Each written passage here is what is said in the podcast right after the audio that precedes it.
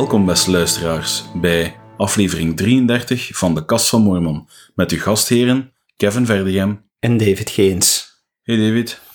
Hoi Kevin. Het is al even geleden, uh, een week of drie denk ik zijn Ja. onze laatste. Drie weken. Dus, Tijd eh, dus om... eh, Absoluut, tijd om er weer in te vliegen. er zijn, ehm, eh, er zijn heel wat dingen waar dat we het vanavond willen over hebben. Hè? Ja, absoluut. Eh, je hebt een aantal heel mooie bij elkaar gekregen. En de eerste, goh, ik zou niet gaan zeggen dat we in mineur beginnen, maar het gaat hier over ehm, ja, begrafenissen. Ehm, meer bepaald de begrafenissen voor overleden eh, zusters die begiftigd zijn. En begiftigd bedoel ik van, die naar de tempel geweest zijn en daar bepaalde instructies ontvangen hebben. Ja, het is inderdaad zo dat het in onze kerk eh, is het gebruikelijk dat wanneer iemand begraven wordt, man of vrouw, dat die begraven wordt in wat voor ons belangrijke ceremoniële tem- zijn, tempelkleding zijn. En zonder daar verder over uit te wijden, we hebben het daar in het verleden al over gehad, wel, één onderdeel van, van die kleding is een sluier voor, eh, voor vrouwen. Ja, En er is nu beslist dat vrouwen zelf mogen kiezen, of wanneer ze geen keuze hebben gemaakt, hun familie, of dat ze willen begraven worden met de sluier op hun gezicht of niet op hun gezicht. ja naar achter. Nu, persoonlijk, ik vind dat ik vind het een mooie stap voorwaarts. Hè, van, je ziet duidelijk dat in onze kerk momenteel een beweging bezig is die dat ehm, op zoek gaat naar kleine details waar dat vrouwen zich zouden kunnen aan storen. Dat ze zeggen van, ja, maar hè, daar blijkt toch zo wat eh, de oude principes in van de ondergeschiktheid van de vrouw. Ja, hè, van, want daar komt het eigenlijk van. Een vrouw mocht niet ongesluierd voor God verschijnen, een man wel. Ik sta daar positief tegenover dat, dat dit verschil verdwijnt. Dat men, Ja, Allee, toch positief dat men vrouwen de keuze gewoon laat. ja, dan vrouwen de keuze krijgen is zeker positief. Ik heb ergens zoiets van, was dit nodig? Het is zo'n beetje van, ehm, ja, ik zie het niet verder evolueren voor zij die daar misschien op zouden hopen. Ik zie dat dus wel niet verder evolueren naar bijvoorbeeld ja, vrouwen die uiteindelijk het priesterschap eh, op zondag hebben en een vrouwelijke bisschop en zo. Ehm, wat dat dit misschien wel mensen hoop zou kunnen doen geven, maar ik denk dat zo'n fundamenteel principe niet zou veranderen. Goh, ik vind dat eigenlijk een moeilijke vraag. Van, ik weet dat nog niet zozeer, omdat ik vind altijd, en ik heb dat al in vorige podcast gezet, gezegd, je moet kijken naar wat gebruiken zijn die aangepast worden aan enerzijds de tijd en anderzijds aan ons begrip. Mhm. Eh, want God is onveranderlijk, maar wij als godsvolk leren sommige dingen alsmaar beter en beter begrijpen, regel op regel, voorschrift op voorschrift. En wat dan echte doctrine is, en doctrine is onveranderlijk, dat weten we. Ja, Maar het lijkt me dan toch wel doctrine dat alleen mannen het priesterschap krijgen. wel, daar ben ik niet zo zeker van, Kevin. Nu, je weet, what happens in the temple stays in the temple. Ja, Maar het is toch wel zo dat daar elementen zijn die erop wijzen dat, zeker en daar past dit ook in, dat na de dood man en vrouw zeker volledig gelijkwaardig zijn. Want God Ja, is nee, geen, je- geen, ja. geen aannemer des persoons. daar heb je gelijk in. En zelfs naar het priesterschap wordt daar heel duidelijk naar verwezen. Nee, daar heb je een heel goed punt, daar had ik nog niet bij stilgestaan. Er wordt heel duidelijk iets over het priesterschap, zowel voor man als vrouw, gezorgd. Dus het enige, het enige verschil is van, ja, gebeurt het, zou men het ooit veranderen dat men het ook voor de dood gelijk trekt of niet? Dus qua doctrine, ik zie niks, ik zie eigenlijk gezegd niks in de doctrine in de weg staan, ja. Ja. dat vrouwen ook ooit het priesterschap zouden kunnen krijgen. Ja, Ik ga niet zeggen van dat ik er nu zit voor te pleiten om dat te doen. Dat is echt iets wat dat aan, aan onze hemelse vader en aan de profeten en aan de apostelen overgelaten moet worden. Maar puur persoonlijk, ik zie ja. qua doctrine geen, geen probleem daarin. Eén ding dat ik wel denk, is dat er op dat moment ehm, heel veel mensen de kerk zouden verlaten. Omdat heel veel mensen dat dan echt wel aannemen als van, goed, dit is, het is al altijd zo geweest en het moet zo blijven. En mensen zouden dan zeggen van, dit kan niet van God komen en God verandert zijn kar van richting, bij wijze van spreken. Eh, nu mag dit plots wel ik, ik bol het hier af, ik, ik wil met deze kerk niks meer te maken hebben. Zonder twijfel gaat dat gebeuren, want dat is bij iedere grote verandering in Ja. onze kerk al gebeurd. Eh, we moeten maar terugkijken naar, naar 40 jaar geleden, eh, een onderwerp waar we het ook al over gehad hebben. Het feit dat eh, mensen van Afrikaanse afkomst het priesterschap niet konden krijgen. Eh, hetzelfde topic uiteindelijk. En dat dat 40 jaar geleden pas rechtgezet is. Ja. Er zijn ook heel veel mensen die toen gezegd hebben van, ja, maar dat klopt toch niet, van het is altijd zo geweest. Nee, wederom, van, er zijn bepaalde dingen waar wij niet klaar voor waren, maar die dat in de Ja. ogen van God altijd al wel anders gesteld waren. En zo gaan we nog heel veel dingen meemaken. Ja, ik besef nu dat ik, heel hard spreek vanuit... Ja, ik ben in de kerk geboren. Ik heb het nooit anders geweten. Ehm, en ik had er eigenlijk nog niet die denkoefening die jij daar juist maakte, om te zeggen van, kijk, eh, kijk naar wat we in de tempel leren. Had ik zelf die, die lijn nog niet doorgetrokken. Maar ik kan me inbeelden dat er inderdaad misschien wel een moment komt. Alhoewel dat persoonlijk, als het zou gebeuren, vermoed ik dat het pas in het millennium zou zijn. Zou kunnen. Ik heb er echt geen idee van, maar het, het is zoiets waarvan dat ik zeg. Dat, de, de- ja, de doctrine is uiteindelijk heel simpel. Hè? Van, van de echte core doctrine is van hou van uw hemelse vader Ja, en hou van uw naaste. ja. En alle andere geboden zijn daaraan opgehangen. ja hè? want er is verschil tussen een gebod en, en een, en een evangeliebeginsel. Ja, maar draait een keer het wil heel het evangelie van alles wat er ook komt bij kijken. Laat u dopen van, van naaste liefde. Het, je kan het altijd terugbrengen naar die twee, naar die twee stukken. Het evangelie volgens Jezus Christus draait om die twee geboden altijd, vind Ja. ik.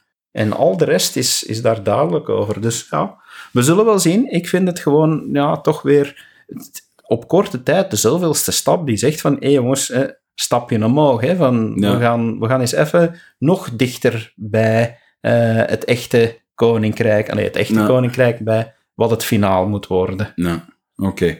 Laten we even overgaan naar het volgende puntje. Ehm, er is een nieuwe tool die ehm, ja, jongens en meisjes die op zending willen vertrekken, kan helpen om dat beter in te plannen.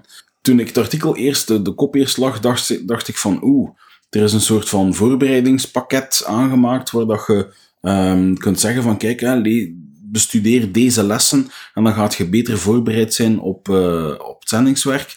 Maar dat is hier niet het geval. Het gaat er hem vooral om, ja, jongens die kunnen beginnen dienen vanaf 18 jaar, meisjes vanaf 19 jaar, op voorwaarde dat ze de middelbare school afgemaakt hebben. Ehm, maar ja, er wordt er ook gezegd van, kijk, diegenen die erover nadenken om op zending te gaan, moeten daar gebedsvol over zijn, over nadenken, en kijken wanneer dat de beste tijd is om hun eh, zendingsdienst te beginnen. Nu, je hebt er heel veel die ja, op het einde van een schooljaar vertrekken. Ehm sommigen doen eerst nog een vakantie en gaan dan ehm, op zending. Nu, er zijn al conflicten geweest in het verleden, waar dat, eh, conflicten is een groot woord, hè, maar ehm, elders en zusters die vragen van, goh, mag ik niet drie weken vroeger naar huis, want dan kan ik dat nieuw semester nog beginnen. Nu, de nieuwe tool zal toestaan om eh, te zeggen van, kijk, ik zou dan naar huis willen gaan, en dan gaan ze ook automatisch gaan kijken, dit is het beste moment om uw papieren en zo te beginnen indienen. Het is voornamelijk gewoon een planning tool. Hè. Het is, Ja, eh, het is, het is Het is een kalender die dat zegt van ja, je moet je middeld rekenen. Als je dan je papieren indient hè, voor je aanvraag, dan zou normaal gezien dan eh, je, je zendingsoproep komen, zou je dan moeten naar het MTC gaan. Het is voornamelijk een planningstool, maar er zit ook toch nog een stukje in, wel ook qua voorbereiding. Van, Toch? Ah, ja, heb er zit, niet goed ja, ja er, zit, er zit een stukje in die, die zegt van oké ja, eh, het gaat u een beetje voorbereiden op de zending, maar het is in de eerste plaats een planning tool. Ja, Eh, en ja, het, het leuke ervan is, of het speciale vind ik dan, en dat is dan ook weer de IT'er in mij, eh, is dat de tool gebruik maakt van een stuk big data binnen de kerk. Want een deel van die planning hangt ook af van, ja, wanneer ga je geroepen worden? Dat hangt ook heel sterk af van je zendingsgebied. Hè, ons zendingsgebied ja. heeft momenteel ruwweg iets van een 150, 155 zendelingen nodig. Dus ja, dat betekent ook van, ja, als er daar 30 moeten bijkomen, dat kan pas op het moment dat er 30 zouden vertrekken, om, om dat aan te houden. En ja, dus uiteindelijk, men weet dat eigenlijk, want ja, van zodra iemand vertrekt op zending, weten ze ook wanneer die eigenlijk moet terugkomen.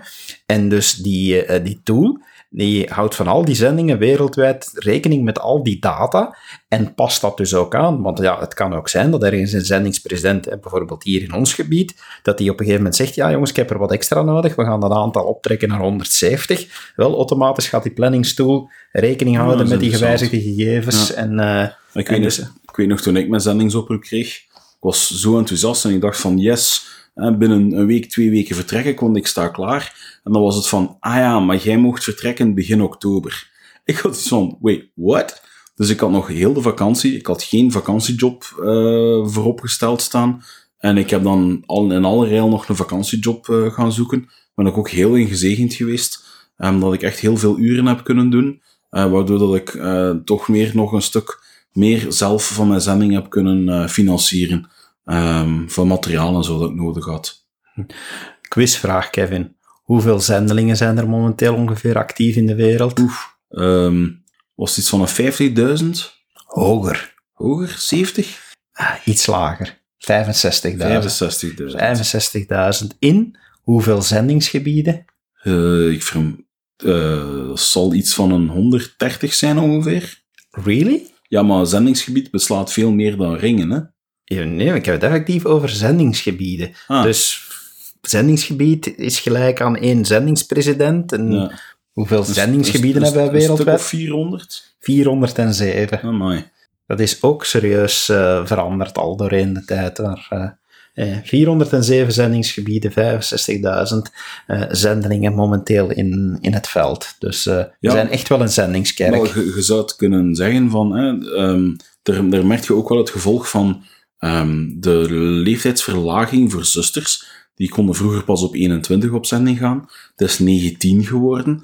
Um, fantastisch eigenlijk. En we hebben toen een enorme influx gezien van uh, zusters die zeiden van ik wil op zending gaan. Nu graag. En dan kregen ze ineens een overvloed van uh, zendelingen. Um, zo zie je maar ook dat dat nummer daar, die 65.000, dat is nog altijd hoger dan het aantal zendelingen toen ik op zending was, pakweg uh, een 13 jaar geleden dat ik terugkwam van mhm. zending, zoiets. Ehm, en dan, dan schommelde het rond de 50.000. Zoiets. Als ik, het mij nog uh, goed voor de geest kan halen. Nu, wat je daar zegt, inderdaad, wanneer die leeftijdsverlaging er gekomen is, is er echt een piek geweest. Hm. Dan hebben we uh, heel de periodes voor een paar jaar gehad dat we naar 85.000 zendelingen gegaan zijn. Maar dat effect is nu terug weggeëpt. Want dat zie je ook. de periodes gepasseerd, hè, ja. dan niet allemaal op zending geweest zijn. En je ziet dat dus, het is nu teruggezakt naar 65.000. En je ziet dat men toch hier en daar al daardoor weer moet gaan ingrijpen. Ik had ergens ook onlangs iets gelezen van een MTC in Argentinië, dat, uh, dat gesloten gaat worden. Oh. Uh, en, en, dat dus... Uh, er blijven dan nog twee MTC's in Zuid-Amerika over. En ze hadden er drie. Dus uh, men sluit toch een van de drie daar om, om weer al aan te passen en te zeggen van oké, ja. we hebben nu eenmaal minder gebouwen nodig. Dus uh, ziet, we zijn een heel dynamische kerk. Hè, Absoluut, we moeten inspelen op de noden. Onderwerp nummer drie, helemaal uh, de, de vrolijke zingende noot. Ja. die we opgaan. Nee, nee, en ik ga niet zingen. Ah. Ja, je moet geen schrik hebben. Ja, je hebt onze luisteraars daar al genoeg voor gewaarschuwd. En ik ga het er niet aan doen. Ik ga niet zingen, maar het gaat wel over een musical. Ja, The Book of Mormon musical. Die komt uh, naar Nederland en uh, het is aanstaande dinsdag. Um... Nee, het was afgelopen dinsdag. Ah, afgelopen dinsdag, sorry. Ja. Um, maar misschien, misschien, een woordje uit, ja, ja, misschien een woordje uitleg meer van um, The Book of Mormon is inderdaad een, een musical, een satirische musical, eh, geschreven door de makers van South Park. Ja. Zegt al genoeg. Het verhaal gaat eigenlijk over twee zendelingen die naar Afrika worden gestuurd en daar dan geconfronteerd worden met de vele dagelijkse beslommeringen die de mensen daar hebben en hoe ze daarop reageren. Maar het draait er voor een heel stuk om dat ons geloof ja, dat er mee gelachen wordt. Ja, enorm. Als ik bepaalde stukken eruit haal, dan heb je dus iets van slik. Um, het, het, het, het, treft de mens toch wel even. Um, en je moet al een gezond gevoel voor humor hebben om het te kunnen plaatsen. Want ik kan me inbeelden dat veel leden van de kerk zoiets zouden hebben van hoe durven ze? Dit is, dit, dit, het borders on heiligschending. Heilig schending. Ja, ik heb de première in Londen meegemaakt, eh, jaren geleden. Ja, uh, was het oorspronkelijk uit Canada of Amerika? Dat was uit in Amerika, van. Broadway. Hè, van, het, is, het is de best verkopende Broadway musical ooit. Loopt die nog altijd trouwens? Ja, ja, ja, ja, van, en dus hij, hij reist wereldwijd. Hij is al in verschillende Europese landen geweest. Maar ik heb hem dus zelf gezien. En ik was toen nog niet zo heel lang lid van onze kerk. En ik heb enorm goed gelachen. Want sommige dingen die erin zitten, die begrijp je maar te volle als je lid bent van onze kerk. Ongetwijfeld. Hè? Ja, ik denk dat sommige dingen echt voor ons nog grappiger zijn dan voor niet-leden. Dat toont ook, ook dat ze een inside source moeten hebben op de een of andere manier om, om allee, bepaalde doctrine te kennen, om er de spot mee te kunnen drijven. Hè? Tuurlijk. En er zitten dan spijtig genoeg delen in, en dat is ook wat ik altijd van South Park heb gevonden, van op zich satire, ik hou daar wel van als humorvorm, maar ja, men gaat er soms over. Er zijn bepaalde dingen dat men er heeft ingestoken die obscene zijn, en dan zeg ik van, dat had niet gehoeven. Dat nog super grappig geweest, eh, zonder zelfs die bepaalde dingen erin. Ik vind dat die zelfs van de humor, dat die daar afbreuk aan doen. Ja. Maar zwart, dat even terzijde. Wat dat ik wel fantastisch vind, is, uh, het is grappig. Je, ik, heb, ik zeg het, ik heb op de première daar uh, zelf keihard gelachen. Ik heb de CD met de liedjes gekocht, want sommige dingen zijn echt zo goed gevonden dat je kreupel gaat om er zelf als, als lid van, van onze kerk achteraf nog eens naar te luisteren. Maar één ding deed me wel pijn. Dat was niet de musical zelf was het feit dat ik daar in de zaal zat, dat andere mensen die geen lid waren van de kerk ermee aan het lachen waren. Want dan had ik zoiets van, jongens, je bent aan het lachen met iets wat je niet begrijpt. Van. Ja. Dus dat het enige, van, dat had ik wel zo, ik, weet, ik herinner me dat gevoel nog, dat, dat ik dan dat wel zo had. Maar het is een berengoeie musical. Het is niet te verwonderen dat hij dat die zoveel tickets verkoopt. En van wat dat ik nu een van de recente uh, persberichten, want hij komt dus inderdaad naar Nederland, Ja. uh, naar Carré. Uh, daar gaat hij opgevoerd worden gedurende een maand. Er zijn een dertigtal voorstellingen voorzien. Hij is niet naar het Nederlands vertaald. Oh, sommige, fijn. In sommige landen uh, wordt, hij, wordt hij naar de lokale taal. Bijvoorbeeld in Zweden was hij naar het Zweeds vertaald. Maar hier blijft hij dus in zijn oorspronkelijke taal. Dus je kijkt altijd, hello, my name is Elder Price. Ja, dat ga je inderdaad er nog, uh, nog in krijgen. Uh, en voor zover ik weet, is op dit moment al 15 van de 30 voorstellingen uitverkocht. Amai. Dus ja, als dat genoeg succes heeft, kan dat nog verlengd worden ook. Ja. Ik weet het niet, want ik weet niet of dat de cast mogelijkheden heeft. Ik heb nog nergens iets gelezen van dat er mogelijkheden zijn tot verlengingen van. Kom, komt de cast dan ook uit het buitenland? Uh, ja, maar ze werken met internationale casts. Hè. Dit is dus al lang niet meer de originele cast, ook in Amerika. De rondreizende cast is niet meer de mensen die de oorspronkelijke cast gedaan ja. hebben. Dan, dat, zou, dat zou onmogelijk vol te houden zijn voor al die jaren. Dus daar zijn al heel veel wissels in geweest. Um, maar wat dat ik heel bijzonder eigenlijk vind, dat is de manier waarop onze kerk hiermee omgaat. Daar Want, hebben we het ook al uitgebreid over gehad, denk ja, ik. Ja, ja, ja. Dit, dit, blijft toch fantastisch om te zien van dat in plaats van daar staan te roepen van hoe durft jij, jij bozaards, eh, van, dat onze kerk eigenlijk zegt, joh, dit is entertainment, je kunt daar een keer eens van gaan genieten een avond lang en goed mee lachen. Maar als je echt wilt weten wat er gebeurt, ja, dan, de boek is always better. Ja, lees dan het boek van Mormon. En dat onze kerk adverteert in het programmaboekje, wat ook nu hier in Nederland weer het geval gaat zijn, kan ik in première al vertellen. Hmm. Uh, en ja, ik, uh, ik ben er vrijwel zeker van dat onze zendingspresident uh, dit uh, ook gaat aangrijpen en, en, dat er zeker zendelingen beschikbaar zullen zijn wanneer het publiek de zaal verlaat Nee. om een boek van Mormon aan te bieden en een woordje uitleg te geven bij wat sommige dingen nu echt wel betekenen. Ja. Dus enorme zendingskans. Ik vind, het, ik vind het fantastisch dat hij naar Nederland komt. Van, het wil echt lukken dat op het moment, want ik weet dit nu al een paar maanden, dat ik eigenlijk aan het kijken was en aan het zoeken was om contact te hebben met de producers van die musical, om te kijken of ze naar Nederland en Vlaanderen zouden Ah, komen. Ja, ik vind, ik, vind dit, ik vind dit fantastisch. Dit is, in Zweden bijvoorbeeld heeft dit een geweldig succes gehad qua zendingswerk. Dat, dat was fantastisch. Er zijn nooit zoveel boeken van Mormon uitgedeeld in, in een bepaalde periode, in die aantal maanden, als toen als hij in Zweden heeft gespeeld. Amai. Dus super. En wat dat ik weet, ik heb met de personen gesproken die in Zweden die actie mee begeleid hebben. Die hadden in de buurt een garagebox gehuurd waar de dozen met de boeken opgestapeld stonden.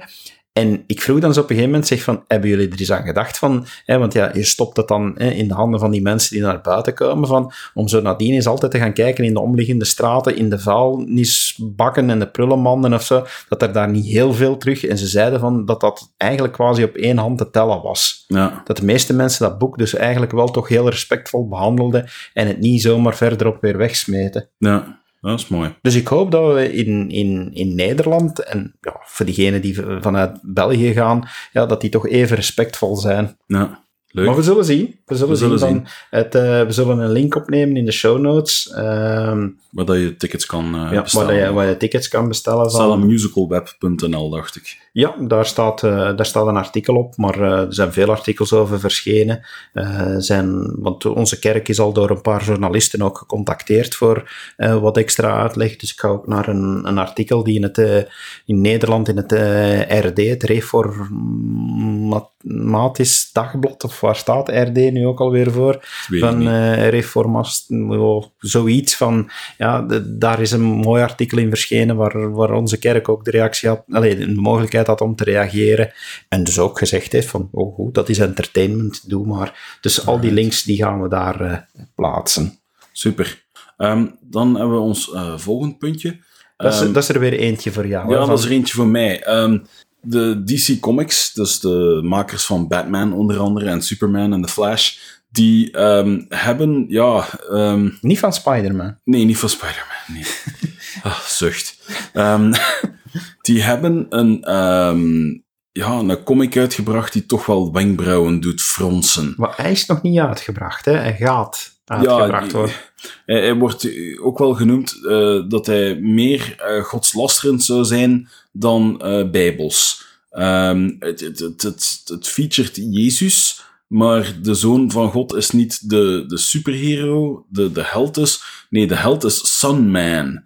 En ja, ik, ik ga het even quoten wat er staat. Ehm, ik zal het even los vertalen. Eh, wees getuige van de terugkeer van Jezus Christus wanneer hij gezonden wordt op de heilige missie door God, eh, om te leren eh, wat dat er eh, nodig is om een ware Messias van het mensdom te zijn, ehm, door ja, kamergenoot te worden of, of roommate met 's werelds favoriete heiland, de almachtige superheld Sunman, de laatste zoon van Chris Pax.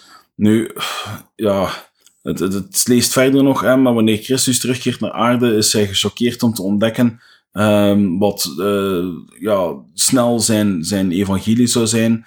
En nu ja, probeert hij de record straight te zetten. Ja, maar, maar dat is al een van de aspecten die ik eigenlijk er al wel een beetje grappig aan vind. Van is dat ze eigenlijk zetten, want ja, de titel is, is om, om dat even mee te geven, hè, is de wederkomst van Christus, de second coming. Ja. Maar dat is eigenlijk van dat, dat achtergrondverhaal is dat de eerste keer dat hij gekomen is, dat, eh, dat, dat God het eigenlijk een ramp vond. Want dat hij zei van, ja, maar je bent pas begonnen en binnen de drie jaar zijn je gearresteerd en, ge, en geëxecuteerd. eh, Ja, van, en dat hij hem terug weggehaald heeft en hem tot nu toe opgesloten heeft. Van, ja. Ja, Ja, goed, weet je, ook dit is weer... Satire, ja, satire van, van... Ik vind, eh, dit is nu niet specifiek naar onze kerk gericht, dit is ja, naar het hele christendom gericht. Ik heb ook al petities gevonden van christenen, eh, ja, die zeggen van, ja, hier moeten we tegenin gaan, dit kan niet, van... Pas heb, op, had het Mohammed geweest, de wereld had in brand gestaan. Hè? Letterlijk, ja. Maar da- daarmee...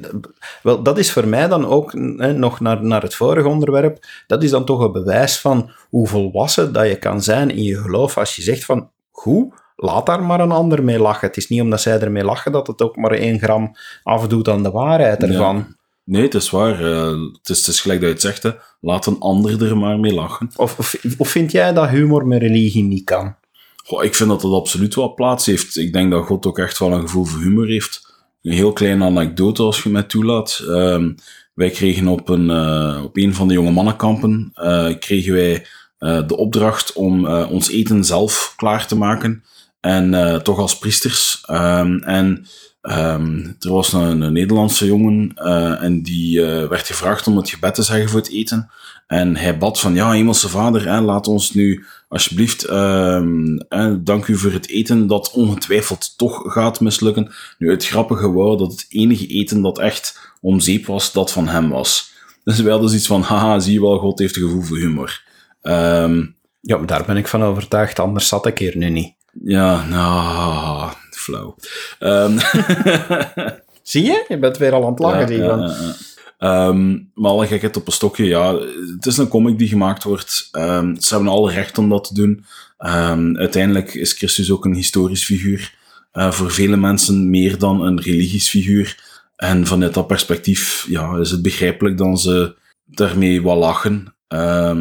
Ik betwijfel dat ze hem zullen afschilderen zoals dat hij waarlijk was. Maar ja, ik kan de insteek wel ergens begrijpen en kan inzien dat het wel humoristisch kan zijn voor sommigen. Ja, weet je, misschien als je, als je echt gelooft, en ik weet het niet, hè, dit moet nog uitkomen. Hè. Ik, ik weet niet, ik zou bijvoorbeeld, er is nu niks dat, dat direct zegt van, ja, ik heb al sowieso minder iets met superhelden en zo, van, dus dat ik hier geld zou aan geven om dit te kopen. Maar goed, als je erdoor beledigd voelt, laat het dan liggen. Hè, van de beste straf die je kan geven aan die uitgevers is het, is het niet kopen, dat ze er geen geld aan verdienen. En voor de rest, laat het gewoon zijn. Hè, van, ja, uh, de dag dat we niet meer kunnen lachen van... Ik heb echt zoiets van, als we als christenen moeten ook lange tenen gaan hebben en op alles gaan reageren van... Uh, kom aan jongens, van, ja, goed, we moeten het, we moeten het zelf niet altijd bespottelijk gaan maken en ja. er zijn grenzen. En ik durf ook wel eens tegen iemand zeggen die dat echt met de bedoeling heeft om te beledigen, tegen mij een aantal dingen zou zeggen over mijn geloof, dan zou ik ook heel eerlijk zeggen van, sorry, nu kwets je mij. En ja, ja ik, ik heb dit niet graag en ik vind dit niet leuk en ik vind dit getuigen van weinig respect. Daar durf ik, dat durf ik ook zeggen. Maar ik ga evenzeer respect betonen door anderen toe te laten van ermee te lachen van. Ja, dus, goed. Uh, um, dan hebben we nog een artikeltje. Um, de Desert News. Um, maakt geloof u gelukkiger. Nieuwe research um, uh, onderzoekt het, uh, de, de links tussen geloof en, en well-being, denk ik dat het is. Of, of geluk, of uh, ja, uw, moet ik het zeggen, uw welzijn. Ja, er, wordt, er worden een aantal punten in het onderzoek gemeten. Het is, het is duidelijk wel weer een Amerikaans onderzoek. Uh, waar, waar een onderzoek dat vaker gebeurt. En men gaat een aantal punten gaan, gaan registreren of aan de mensen gaan vragen om zichzelf te scoren.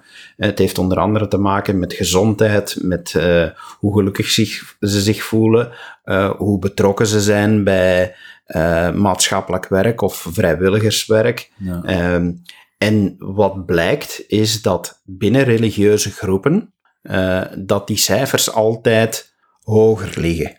Um, en dus ja, om dan te zeggen van, ik denk dat het een krantenkop is om te zeggen van ja, geloof maakt je gelukkiger. Want als je het onderzoek heel specifiek gaat lezen, dan zegt men van ja, we weten niet wat het oorzaak en gevolg is.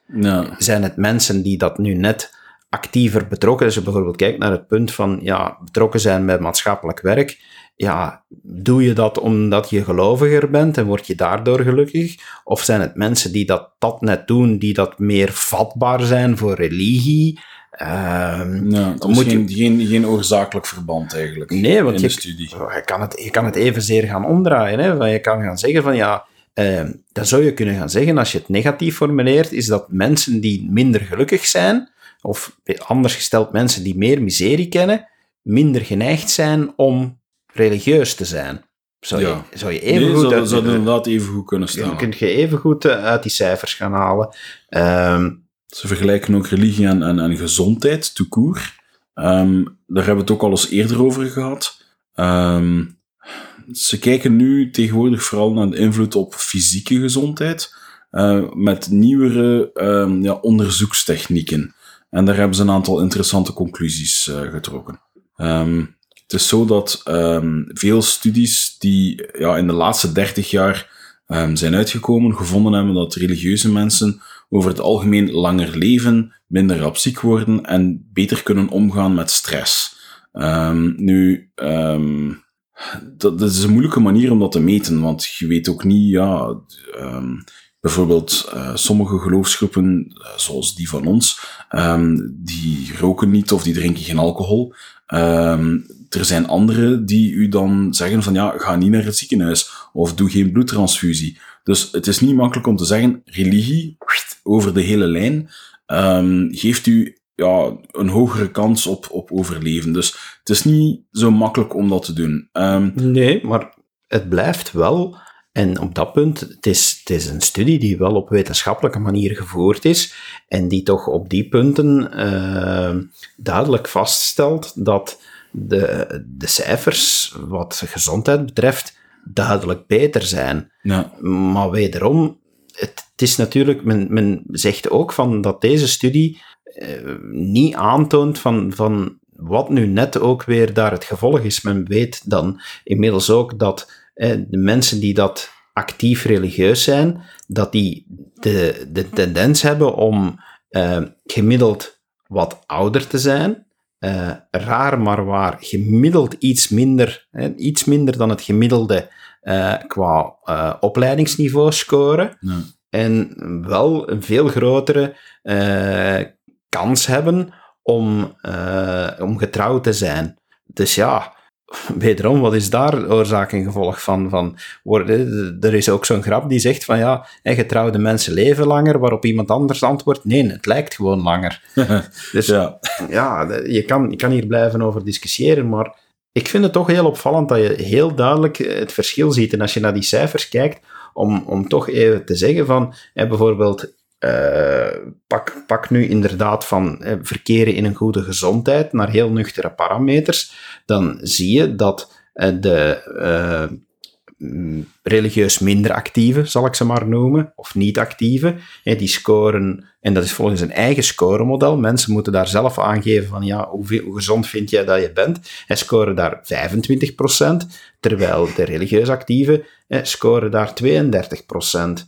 Dus dat zijn toch significante verschillen. En een stuk groter, want ja, net zoals in ieder statistisch onderzoek hè, moet er ook een foutenmarge bepaald worden. Hè, toch ook wel groter dan, uh, dan de foutenmarge die erin zit. Mhm. Dus er is wel degelijk een, een verband. En ja, ik, ik, ik, zou, ik, ik zou eens benieuwd zijn van moest men nog veel dieper kunnen gaan graven uh, om, uh, om, om van wat is oorzaak en verband. Maar waar ik wel zeker van ben, dat is het, het stukje waarop dat je zelf moet gaan scoren van hoe gelukkig voel je.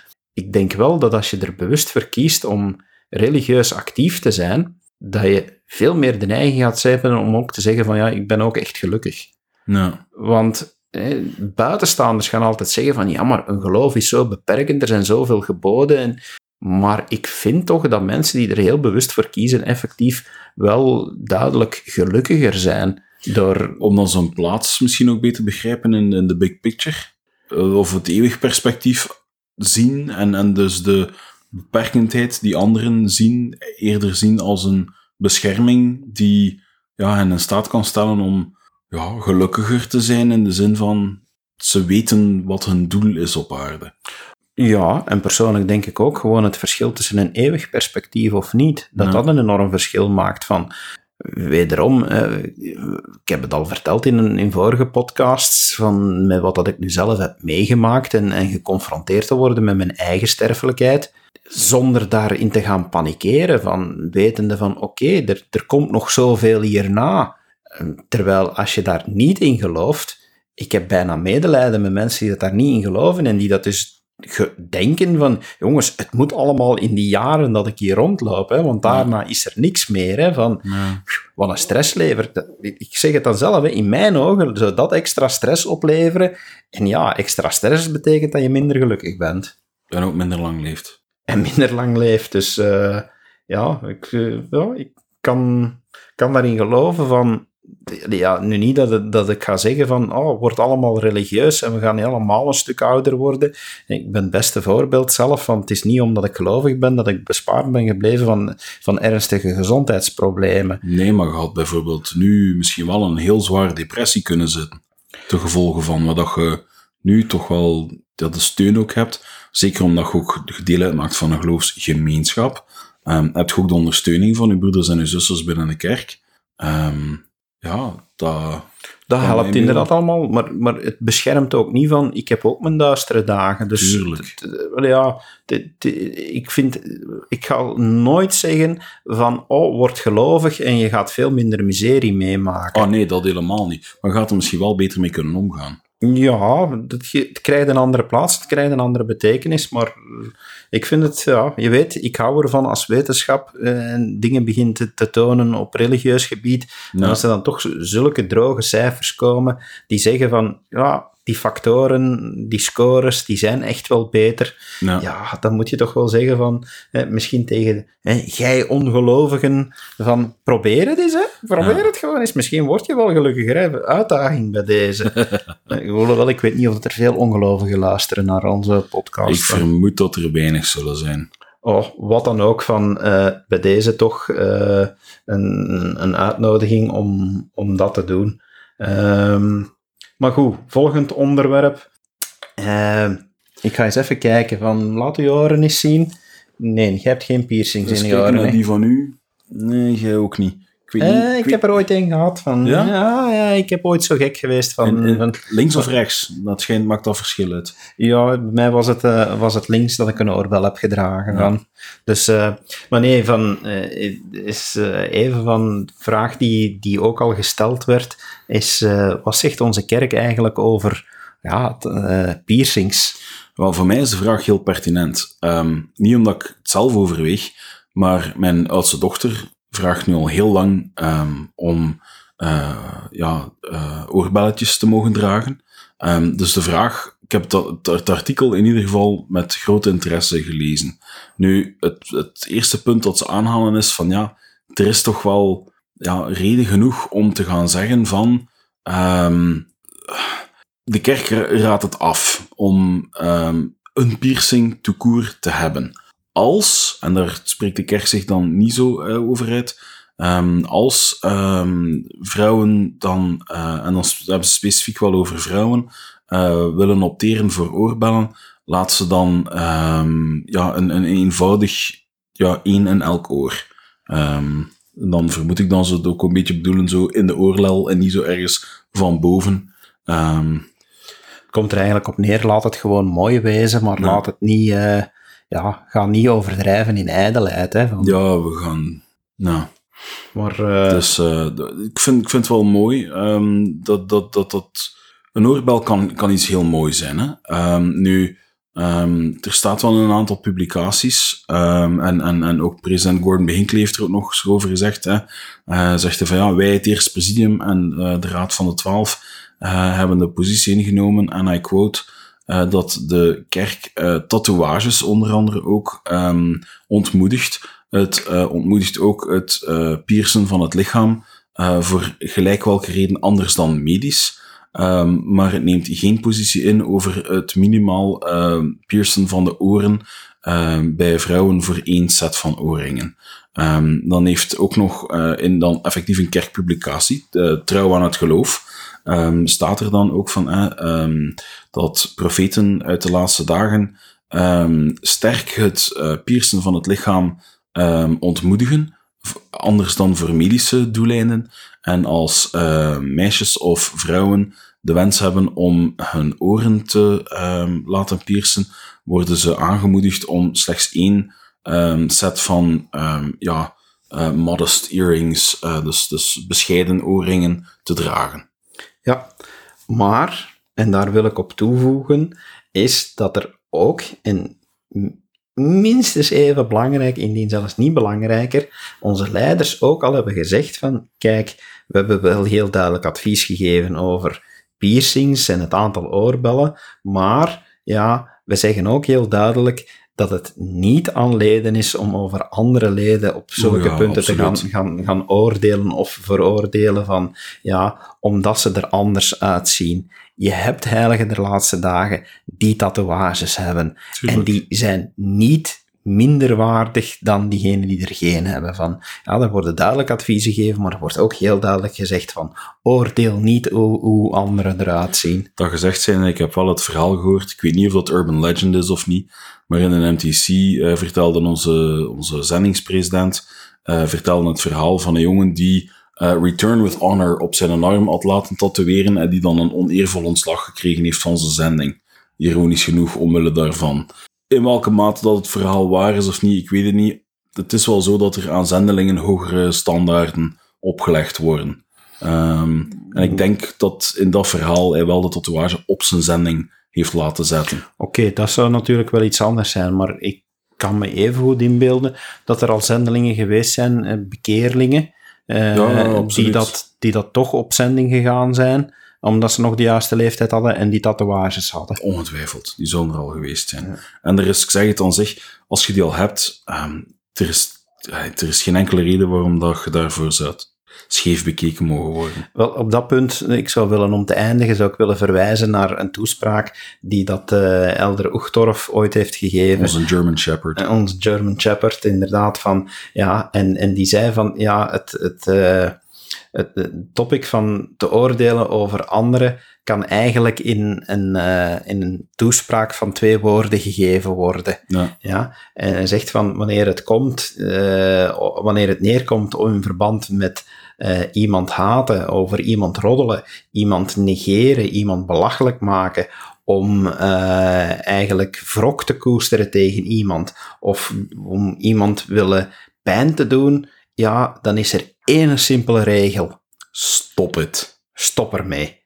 Ja, zo simpel is het uiteindelijk van. eh, hij zei ook heel duidelijk, we moeten gewoon stoppen met anderen te oordelen en veroordelen. En zulke gedachten en, en gevoelens moeten we eerder gaan, gaan benaderen met eh, een gevoel van liefde, zowel voor God als voor al zijn kinderen. Ja, dus absoluut. ja, gewoon weg. Ja, laat ons, eh, als er zoiets zou zijn, laat ons daarmee stoppen van, we, we weten nu van oké, ieder oor een oorbel, is het goed advies, maar we gaan zeker niemand uitsluiten die dat het anders heeft gedaan. Ja, als je een grote Star Trek fan bent, je wilt zo'n Bajoran ehm, earpiece laten steken. Ik denk dat je toch wel rare look zou krijgen in de kerk als je daarmee afkomt. Ja, maar dat is net hetzelfde als je met puntige oren zou binnenkomen in de kerk gaan. Ja, fair enough. Ja, body modifications zullen ook wel, ja. ik denk dat we dat daaronder wel kunnen placeren. Nu, ehm, een grappig artikel. Ehm, er was eigenlijk een, een, een niet-lid die aan het internet gevraagd had: hoe kan ik nu de zendelingen wegsturen zonder ja, onbeleefd te zijn? ja en, ik, wou, ehm, ik wou dat eigenlijk die vraag eens aan u stellen, want ik ben zelf geen zendeling geweest, maar, maar ja, dan, ik zou zeggen van wees, wees vriendelijk. En ja, zendelingen willen ook graag mensen helpen. Ehm, zonder en noodzakelijkerwijs eh, met evangelie dingen willen overladen. Ehm, als je nog maar pas in je rug geopereerd bent en je hofstaal vol krijgt, vraag gerust aan de jongens, kijk, ik ben niet geïnteresseerd in jullie godsdienst, maar ik heb wel wat hulp nodig. Zouden mij willen helpen? Ehm, kan je bijvoorbeeld, ik zeg maar wat, ik zit er met een rug heen, eh, zou je het onkruid uit mijn, uh, mijn hof willen trekken? ja, dat kan je zeker doen. Maar ik neem aan dat jij op je zending wel eh, heel vaak ook met afwijzing te maken hebt Ja. gekregen van, maar wat hoorde jij eigenlijk het liefst? Als ik dan nu gewoon weer aan jou vraagde van Een- een- het verschil tussen, ja, had je het liefst dat men zei van geen interesse, of dat men zei van, ah ja, het komt nu niet goed uit. Ach, dan liever geen interesse. Want ja, als, als mensen zeggen van het komt nu niet goed uit. Ik voelde die vibe meestal wel hangen, maar je merkt ook dat heel veel van mijn collega's die vibe niet aanvoelden. Die dan zeiden, ah oké, we zullen dan terugkomen. En dan heb je zoiets van, ja, dan, dan doen die mensen ah, of dan ze niet thuis zijn, of zorgen ze dan ze niet thuis zijn. En dan probeert je het later nog een keer, dan wordt er tijd en moeite in gestoken. Liever gewoon een, sorry jongens of meisjes, ik, heb geen interesse, ik ben blij met wat ik heb, ehm, laat het ons hierbij houden alsjeblieft. En dan zullen zij met, ik zou dat ook gedaan hebben in een tijd, ehm, gewoon u een, een zeer prettige dag wensen. U misschien nog vragen omdat je iemand kent die misschien wel interesse zou hebben. Ehm kunnen altijd doen, deed ik ook eh, als zendeling. Ehm, maar dan liever zo een eerlijk antwoord dan ja, gewauwel en, en, en zo van de halfslachtig. Maar ja, maar kom dan maar eens terug en er dan gewoon niet zijn zo. Die valse hoop geven. Wel, dat, dat verwachtte ik ook. En dat was eigenlijk het punt dat ik wilde aanhalen. Want ja, ken onze cultuur en ja, wij zijn, en onze Nederlandse luisteraars, die mogen we toch al iets directer noemen dan, dan onze Vlaamse luisteraars. Maar we zijn heel beleefde mensen in onze cultuur. En ja, dan denk ik dat we uit beleefdheid heel makkelijk zouden teruggrijpen van, ah ja, het komt nu niet goed uit, of dit of dat. Maar je bent dus eigenlijk gewoon beter door even beleefd te zeggen van, sorry, geen interesse Ja, van... eh, inderdaad. Dus ja, in die zin van gaat er zeker niet het zotteke mee houden hè, van met die zendelingen. Van, Ze doen zo hard hun best, ze zijn heel oprecht. Eh, begin er dan ook niet, eh, allee, ja, hou hen ook niet onnodig bezig. Hè. Ik denk dat dat toch wel een van de belangrijkste conclusies is die we moeten geven. Ik ga trouwens, want dat is een onderwerp waar ik eh, jaren geleden al eens over geblogd heb, van hoe behandel je zendelingen het beste. Ja. Ik ga in de show notes die link eh, naar het artikel nog opnemen, want er zijn dingen die je kan, zelfs al geloof je niet, je kan echt wel ook vriendelijk zijn. Hè? Van, als dat eh, helemaal in, in het heetst van de zomer is, niks verkeerd om die wat te drinken aan te om bieden. Hè? wat te drinken aan te bieden. Of als het putje winter is en het vriest dat kraakt buiten, eh, zeggen van, ehm, kom jullie even opwarmen, of kijk hier, een warme choco voor jullie. Ehm, maar als je zo van die twee verzopen waterkiekjes, ehm, eh, dat is dan een heel Gentse uitdrukking, twee verzopen waterkiekjes, wil ik zeggen, twee doorweekte eh, zendelingen voor je deur staan hebt, by all means, nodig hen even uit om ehm, ja, zelf ehm, even binnen te komen en even wat te kunnen afdrogen. Ehm, ze zijn ook heel graag bevriend met, eh, met mensen. Er zijn heel veel zendelingen die vriendschappen hebben met hun buren bijvoorbeeld, ehm, zonder dat er noodzakelijkerwijs ja, veel over godsdienst moet eh, gebeuren. Dus echt by all means, ehm, wees hen te vriend. Ehm, zeg er vriendelijk goeiedag tegen. Maar je, het hoeft niet eh, te komen tot, ja, tot, tot, tot een religieus Voilà, het is juist dat. moment. Gewoon respectvol. Goed. Ja. Een onderwerp dat ik ook nog even wil aanhalen, hier ben ik weer, het zoveelste onderzoek. Hè. Ik hou van statistieken, van, sorry mensen, van, ik hou van die cijfertjes. Ja, is eh, wederom een onderzoek dat, eh, dat aantoont waarom families samen moeten bidden. Eh, van, het is in onze kerk gebruikelijk om samen te bidden. Ja, en eh, het onderzoek wordt ook gedaan door BYU, de Brigham Young University. Ze zijn een beetje biased, hè? Let's be honest. Denk je? Een beetje toch maar. Dus, dus de, de zegswijze in onze kerk gaat al heel lang van families that pray together, stay together. Ehm, het, is, het is leuk dat ze er een onderzoek naar gedaan hebben, absoluut. Ehm, er worden een stuk of zeven, denk ik, eh, thema's aangehaald waaruit dat eh, blijkt eh, de goede dingen die eruit voortkomen. En, Maar belangrijk, wat ik even wil vermelden, hè, van ja, footnote, is dat dit geen studie is die alleen gevoerd is onder heiligen der laatste dagen. Het, eh, het zijn, ze hebben ze die in ene moslim in Utah gevonden, of wat? Wel, men, men, heeft, men heeft, om de volledigheid mee te geven, men heeft, er zijn er meer, want ik geloof dat er al een stuk of 60, 70 eh, moslimstudenten aan BYU zijn. Ah, dat kan, ja. ja. Maar men heeft 476 deelnemers ondervraagd van eh, 198 families. En eh, de, die families waren zowel eh, in christelijke tradities, Joodse als moslim eh, tradities en leefden in 17 verschillende staten in de Verenigde Staten. Dus, en men heeft daar de vraag aan gesteld van, van welke geloofspraktijk eh, heeft echt voor jullie een speciale betekenis als, als familie. ja. En ja, daar, daar Of, zie je of dat. hoe deelt je uw geloof met uw kinderen? Ehm, ook wel, ehm, hoe overkomt u, uw, eh, uw familie stress en problemen? Ehm, nu, ze hebben niet aangestuurd op gebed. Maar heel veel van de deelnemers hebben eigenlijk wel gezegd dat eh, gebed belangrijk was en, en echt wel betekenisvol voor hen. En toch wel een speciale plek had binnen hun ehm, familie- of gezinssituatie. Ehm, en 96% van de families hebben eigenlijk verwezen naar gebed in hun antwoorden. Wat dat toch wel significant is.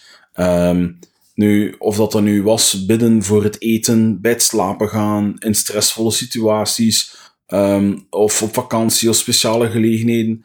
Ehm, de, de onderzoekers hebben eigenlijk gevonden dat het veel verschillende ja, positieve gevolgen kan hebben.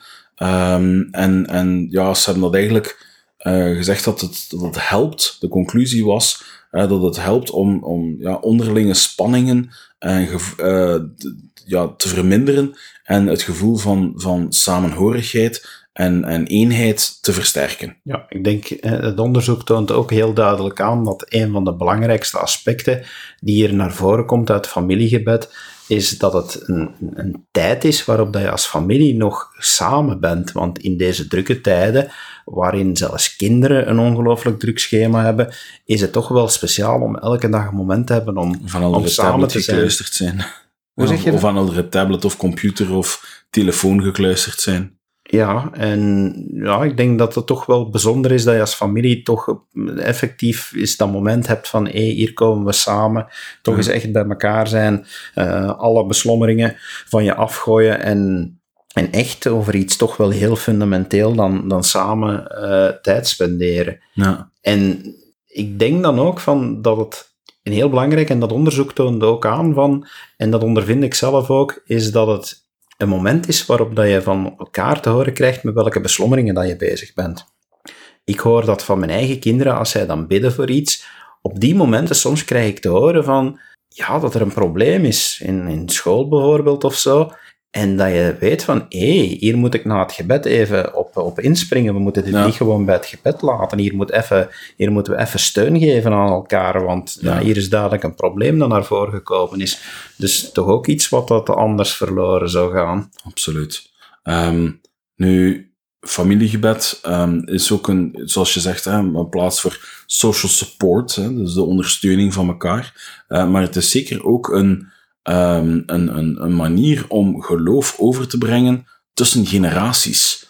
Um, zo bedenk ik mij dat um, ja, niet alleen van ouders naar kinderen, maar bijvoorbeeld ook grootouders. Je gaat, als je je leven lang lid geweest bent van de kerk en, je aan jezelf proberen werken hebt, ga je bepaalde dingen geleerd hebben die je graag wilt meegeven aan je kleinkinderen bijvoorbeeld. De dingen waarvoor je bidt, geven daar blijk van. En kunnen, zeker voor jongere generaties, of dat dat nu de kinderen zijn van de grootouders of de kleinkinderen, zij gaan misschien over dingen beginnen nadenken van hé, hey, die bidt daarvoor. En daar de geest van voelen getuigen en zeggen, misschien moet ik hier ook over bidden. Mhm, en kan ik, kan ik mij ook proberen dat eigen te maken. Ja. Ehm, zonder dat dat bewust gebeurt. Ik denk niet dat er heel veel grootouders zijn die zeggen van, en ik ga nu eens dit in mijn gebed zeggen, het zal misschien wel gebeuren, maar die zeggen, ik ga nu dit in mijn gebed zeggen, zodanig dat die je kleine dat leert. Maar ik denk dat het vooral ja, op een heel natuurlijke manier um, dat, dat dat overkomt of overgebracht wordt. En dat sluit eigenlijk aan bij nog iets wat ik zelf heel belangrijk vind in familiegebed. Dat is dat je op zulke manier je zou zelfs bijna kunnen zeggen op slinkse manier, eh, bepaalde bezorgdheden kan meegeven aan, aan je familieleden en zeker aan je kinderen. Ik vind het heel krachtig, en ik heb nog mensen dat horen zeggen, dat het toch ook heel krachtig is dat als je, dat, dat, dat kinderen die hun ouders horen bidden voor bepaalde bezorgdheden, ja, dat dat toch wel heel diep gaat. We hebben al we hebben een paar afleveringen geleden uh, is dat nog naar boven gekomen als we het uh, met broeder Van IJzer hadden over sexting. En gaf hij dat als een van adviezen van, ja, durf daar een keer eens over bidden. En ik heb dat ook al gedaan in ons familiegebed, effectief gezegd van, Hemelse Vader, eh, bescherm mijn twee zonen dat ze niet te maken krijgen met sexting. En als ze er wel mee te maken krijgen, dat ze de juiste keuze kunnen maken en zich altijd, en altijd weten dat ze mij kunnen vertrouwen en daarmee tot bij mij kunnen komen. Ja. Maar op het moment dat je dat zegt, dat is een gebed naar Hemelse Vader, maar je kinderen horen dat wel, dat dat uw bezorgdheid is. En ik denk dat dat toch en ook echt moet sterken uh, op het moment dat ze dan effectief daarmee in aanraking komen, dat ze weten van, hé, maar hè, uh, papa is daarmee bezig of mama is daarmee bezig, want dat is al in gebed gezegd en zo. Van, dus, uh, dat is inderdaad wel mooi. Ja. Nu, het helpt zeker ook om um, ja, stress of, of spanningen tussen gezinsleden um, te verminderen. Ik kan me inbeelden dat als je op dat moment probeert met de geest uh, te bidden, um, dat de geest ook ja, balans kan brengen in, in die, um, in die uh, relaties tussen, tussen mensen. Dat kan tussen ouders zijn, maar tussen twee kinderen ook. ik, ik kan me zoveel situaties in denken waar dat, dat zo mooi kan helpen, dat ik niet onmiddellijk op één kom. Ehm, Ja, maar het is ook van, ik heb al meegemaakt dat, zoals, zoals in iedere relatie, zijn er, zijn er ook al wel eens spanningen. En dan een- op zulk moment is het moeilijk ook om samen te bidden. Hè? Want eh, Mhm. dan, dan heb je zoiets van, ik ben eigenlijk nog boos op mijn vrouw, van zou ik nu wel bidden? Maar als je op dat moment samen kan bidden en dat je eigenlijk, hè, want soms is het heel moeilijk om, want je voelt je dan toch in want meestal ruzie betekent dat, dat iedere partner zich, eh, zich gesterkt voelt in het eigen grote gelijk. En dan maakt het testen moeilijker om dan te zeggen van, sorry, hè, van, ik vond wel dat ik gelijk had, maar toch, of nog moeilijker, sorry, ik was mis. Wel, in gebed is dan soms net nog iets makkelijker om te zeggen van, Hemelse Vader, het spijt mij dat ik, eh, dat ik zo hard was tegen mijn vrouw en ja, Ja. dat doet me een beetje denken aan die reclame van, en de, de, de Vlaamse luisteraars zullen die reclame al wel gezien hebben, die dat er, eh, die dat er nu van, van Telenet al een paar keer op tv is geweest, waar men dan door het swipen van, van eh, eh, TV, TV on demand, dat men een, een koppel dat net ruzie heeft gemaakt, toch het ijs weer naar elkaar breekt door er bepaalde scènes te laten zien. Wel, in plaats van die scènes is een gebed dan zoiets waar je wel ook het ijs weer kan breken en laten Ja. zien van, kijk, we hebben daar net ruzie gehad, maar ik wil toch eigenlijk wel gewoonweg vanavond kunnen gaan slapen met een goed gevoel. Ja, en daar onmiddellijk aan verbonden natuurlijk, is dat ja, gezinsgebed ook ehm, ja, gevoelens versterkt van, van verbondenheid, van eenheid. Ehm, het is gewoon heel mooi. Hè? Het, het vloeit er van nature uit voort. Ja, en ja, het is, het is daarmee van... eh, Ik ben blij dat die studie dat allemaal aantoont, op al die verschillende punten ook. Maar het, het werkt echt wel. Hè, van, het is iets waar spijtig genoeg hier in, in mijn eigen gezin eh, vaak al wel eens durft mislukken.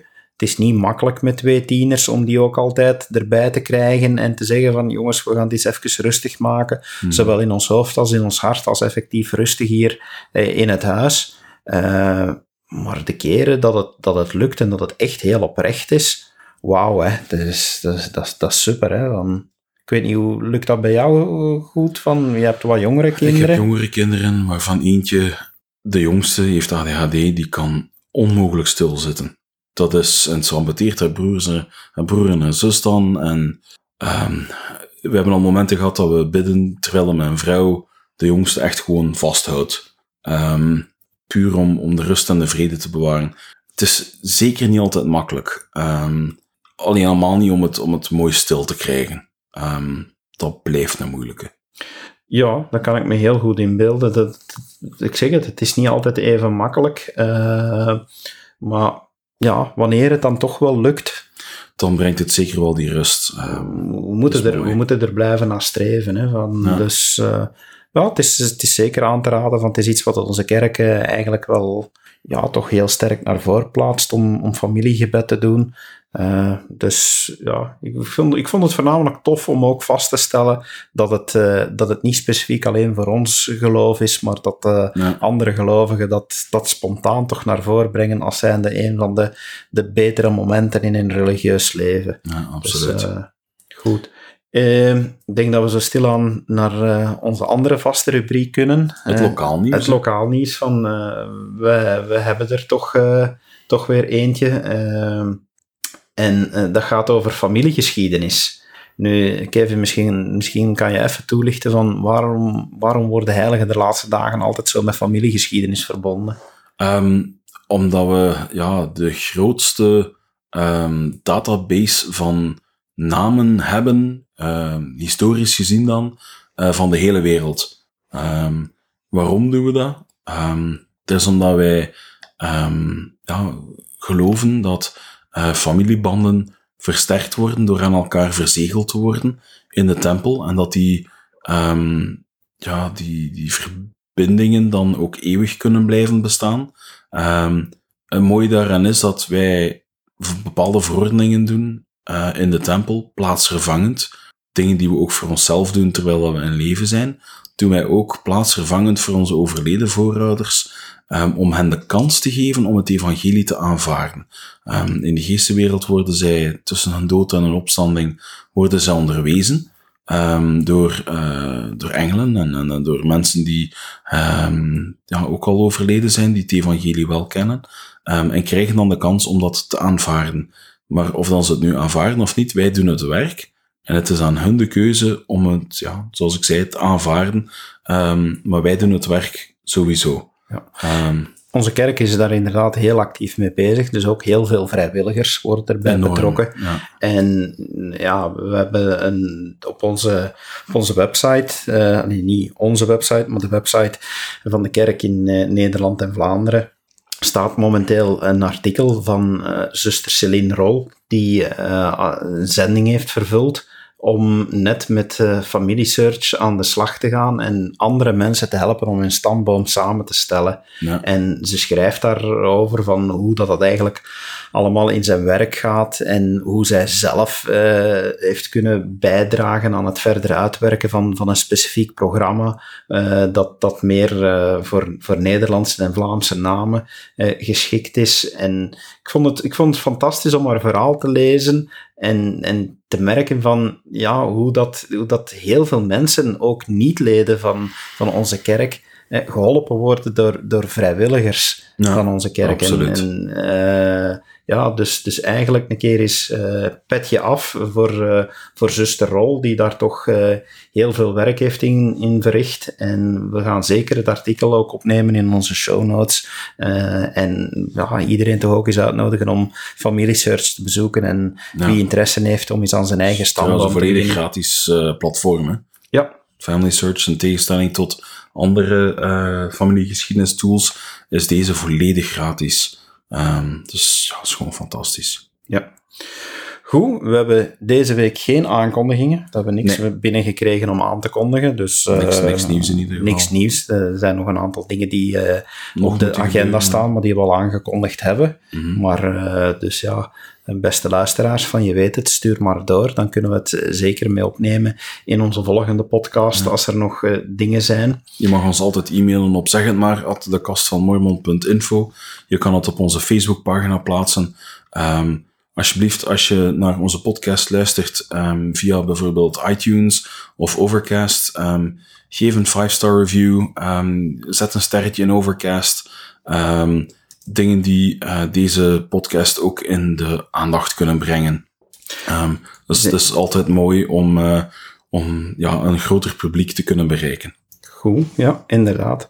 Goed, Kevin, dan uh, ga ik met onze vaste vraag eindigen. Hè, van het zonlicht in je hart. Wat, wat is er recent aan zonlicht in je hart geweest? Um, Oeh, ja. nu, nu zie ik hier een diepe frons verschijnen. Van. Um, ik, moet er even over nadenken. Um, in die zin van, um, het is geen makkelijke periode voor mij op dit moment. Um, waardoor dan ze misschien makkelijker zouden uitsteken. maar toch ja, valt, het, valt mij moeilijk.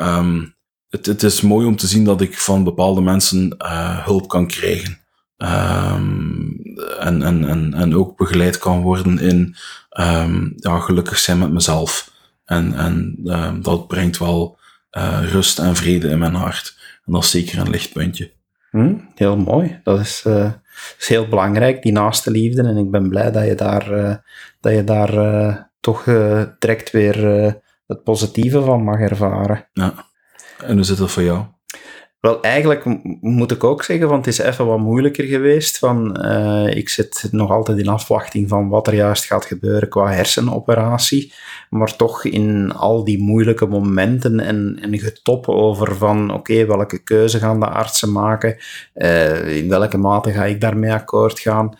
Moet ik toch wel zeggen dat... Um, ja, eigenlijk in, in aansluiting tot, tot het onderwerp wat we al behandeld hebben, zijn de familiegebed, dat dat in die moeilijke momenten te veel gesneuveld was bij ons. En dat, uh, dat eigenlijk onze lokale leiders daar, uh, daar blijkbaar toch inspiratie hadden op gekregen om daar eens even op te wijzen en, en de raad te geven van daar in ons gezin toch echt wel, zelfs in die moeilijke momenten, uh, mee aan de slag te gaan en te blijven. En dat ik dat echt al wel heb ondervonden. We hebben, we hebben nu weer net een aantal gebeden gehad, uh, als, als, als, echt als gezin samen. En ik haal daar heel veel steun uit. Voor mij is dat toch wel enorm belangrijk geworden om, om die momenten te hebben en, ja. en die te kunnen delen met mijn gezin. Dus ik, ik kan er echt zelf over praten van hoe, ja, hoe dat ik gelukkiger wordt door gelovig te zijn en door, eh, door samen te bidden als gezin. Dat is, dat is echt wel de afgelopen week zeker zonlicht in mijn hart geweest. Fantastisch. Dank je om dat te delen, David. Um, zo, best luisteraars, aflevering 33 zit er alweer op. Um, bedankt voor het luisteren um, en tot de volgende keer. Dag.